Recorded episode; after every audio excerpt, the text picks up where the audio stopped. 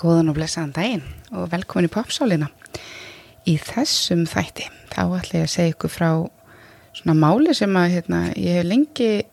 ætlað að taka fyrir og einhvern veginn ekki náða svona, komur að segja, dífa mér ofan í það en á hvað að gera svona núna var að komin tími til. En ég ætla hans að tala um Paris Hilton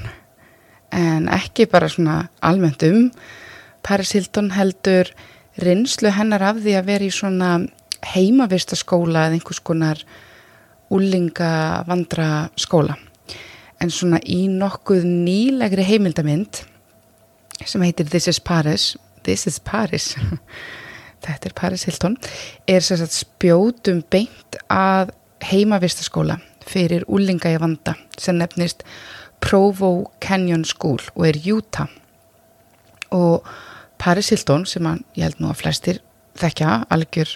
superstjarnar, hún tala sérsagt um hræðilegu reynsluna uh, sem hún hefur að þessum skóla ef að skóli skildi kalla en þar dvaldi hún í 11 mánuði á úlingsárunum og eftir að þessi mynd kom út held ég fyrir tveimur ánum síðan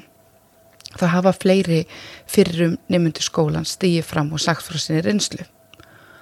Skólinn er í dag einhvers konar meðframiðstöð fyrir úlinga í vanda og er í dag á vegum UHS eða Universal, Universal Health Services í bandarækjunum og skólinn fylgir svo kallu ABC líkani eða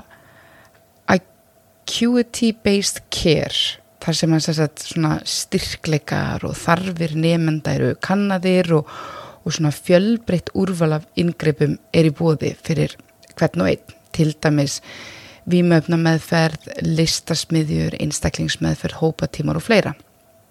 Hljómar mögulega vel en þessi meðferðarstöð eða skóli er talin vera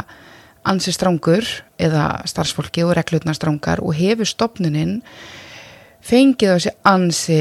slemt orð og hér erum við að tala um sögur um misnótkun, ofbeldi, vannrækslu og fleira en sem sagt UHS eða Universal Health Services tók við starfseminni árið, hvað var það, 2003 held ég af sem sagt öðru sístemi sem hétt Charter Behavioral Health Systems. Og í rauninni er það aðalega það system, sem sagt eldra systemi sem að Paris Hilton er að gaggrina en sem sagt í kringum 1980 til svona 1990 aðeins yfir þá hrúust inn kærur á hendur skólans. Uh, ákærurna tengdust andlegu, tilfinningarlegu jafnveg líkamlegu, kynferðslegu óbeldi og misnótkun einni tengdust það er svona vannrækslu eins og vannrækslu tengslu við livjagjöf uh, og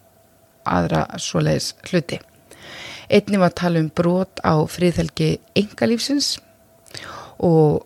uh, bann við samskipti við foreldra og fjölskyldu og þetta er sem sagt svona dæmum ákjörðuna sem á skólinn eða stjórnendur og starfsfólk fekk á sig á þessum tíma.